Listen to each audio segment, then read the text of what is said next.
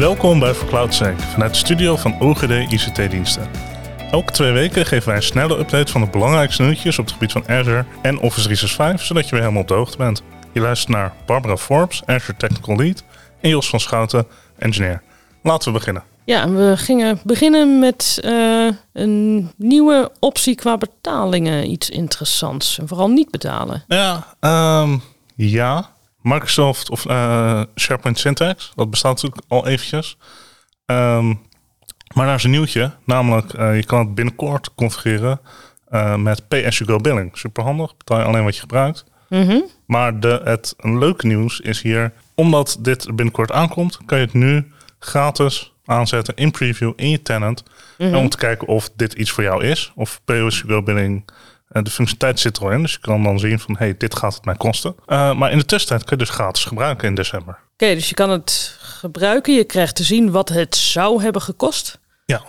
Zodat je een beeld kan krijgen. Ja. Dat zijn altijd de leuke opties. Altijd handig. Ik zal voor de, de luisteraar die niet bekend is met SharePoint Syntax ja. nog even toelichten wat het is. Het is gratis, maar waar worden we nou precies blij van? Oké, okay, nou, we kennen uh, Viva Topics. Dat is een van de nieuwe, zeg maar, nieuwe modules in Viva waar uh, Microsoft AI gebruikt om zeg maar, een soort van wiki te bouwen. Mm -hmm. nou, uh, op basis waarvan doe, doe je dat, dat, soort informatie. Nou, daarvoor kan je dus bijvoorbeeld Microsoft Syntax gebruiken. Ze komen allebei uit hetzelfde uh, ontwikkeltraject binnen Microsoft. En Syntax gebruikt uh, AI en machine learning binnen SharePoint om content processing te automatiseren, zoals Microsoft zelf zegt. Dus je kan bijvoorbeeld uh, automatisch dingen taggen, dingen labelen. Uh, op basis van bepaalde volzinnen of phrases mm -hmm. kunnen tags aangemaakt worden. En die kan je dus weer gebruiken om Viva te voeden met hey, dit is waar je moet zoeken. Dit zijn geschikte topics voor deze organisatie. Oké. Okay. En want je kan dus ook die tags, zijn die zichtbaar? Kan die daarna ook tags maken op documenten dus die je niet kent? Absoluut. Uh, op basis van wat jij dat machine learning model voedt. Dus dit is wel veel meer hands-on natuurlijk dan Visa. Mm -hmm. Maar op basis wat jij dat model voedt of uh, wat hij uh, discovered, reviewt Mhm. en aanpast, kan hij daarna automatisch dingen gaan taggen inderdaad. Zou dat ook bruikbaar zijn voor klassificaties? Absoluut. Daar is het wel voor bedoeld zo Ja. ook. Daar wordt het weer heel interessant voor. Ja, zeker. En ja, het is altijd leuk met dit soort dingen. Is het nadeel van, eh, kijk, dit hele toffe, vette product. Oh, en hier is de rekening. Is het wel heel erg leuk om daar even mee te kunnen spelen. even te kijken nu, hoe het ja. bevalt, hoeveel werk ervoor nodig is om daar een beeld van te krijgen. Ja, nu, je, nu het gratis kan, zou ik er zeker gebruik van maken. Ja, nou, een goede tip van de dag. Eh, start vandaag nog. Ja, precies. Oké. Eh, wil ik hem even de hele andere kant opnemen? Eh, onderwerp wat al vaker is eh, teruggekomen. De Azure Container Apps zijn weer wat updates ingekomen. Heb ik volgens mij al vaker gezegd, wordt goed in geïnvesteerd. Daar wordt zeker goed geïnvesteerd. Het is waar aan mijn kant de, de basic authentication de rode draad was, is container apps de, de, Ja, de ja. aanwijzerkant. wordt heel veel gedaan daarin.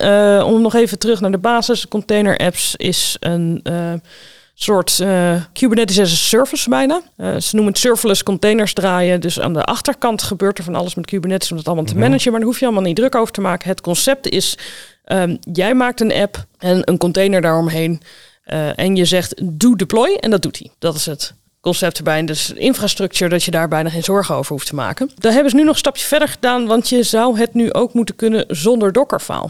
Het wordt wel echt steeds makkelijker. Ja, een container die eh, draait natuurlijk eh, met een Dockerfile waarin je uitlegt wat die container nodig heeft. Ja. En het concept wat ze nu, het is in preview, maar wat ze nu in preview hebben gebouwd, is eh, jij hebt een map met de code van je applicatie. Mhm. En hij genereert zelf een Dockerfile. Wauw.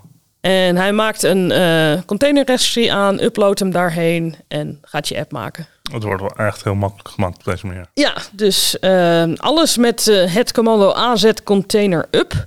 Waarbij ik wel moet zeggen, die maakt een soort resource groep en resources voor je aan. Dat als je daar niet een beetje speelt met de settings, dat die ook wel heel erg de defaults maakt. Mhm. Ehm, dus heel geschikt voor eh, je eerste testen.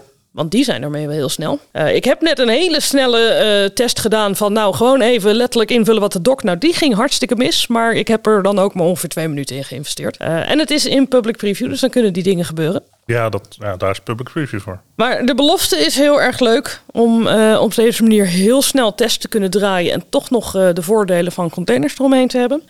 En om dat wat kracht bij te zetten, hebben ze nu ook ehm, de pipeline tasks geïntroduceerd. Dus in Azure DevOps eh, een task en een action in GitHub Actions. Uh, om dus je uh, container app direct te kunnen deployen vanuit je pipeline. Oké.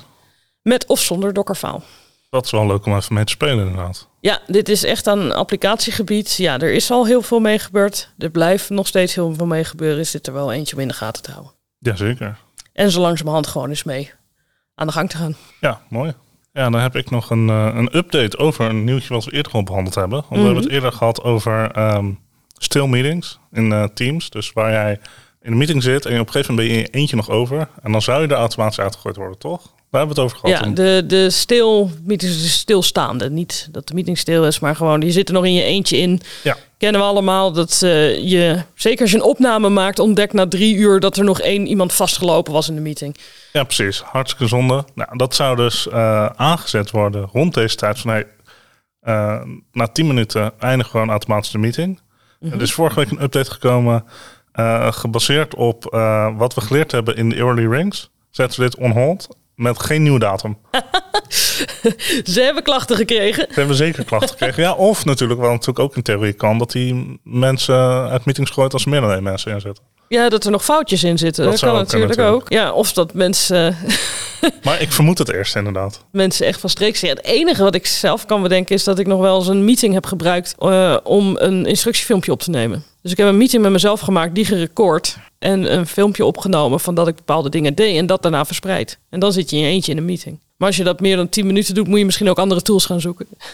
Dat, uh, dat, dat zou goed kunnen. Maar dat, uh, dat vond ik wel een mooi nieuwtje. Ja. Dat, uh, dat gaat dus helaas nog niet door. Dus helaas, je moet echt, als je een recording maakt van een meeting en er zitten een hoop mensen in en je gaat niet zelf als laatste weg, zet de recording even stil. Yep. En je had ook nog iets volgens mij uh, aan de jammer kant. Ja, nou, we hebben niet zo vaak jammer nieuwtjes. Dus is mooi als er iets te noemen is uh, om dat te noemen. Ja. Uh, jammer Stories is nieuw. Um, en dat bouwt een beetje door op Jammer, sto jammer Storylines, wat ook relatief recent in preview is gegaan.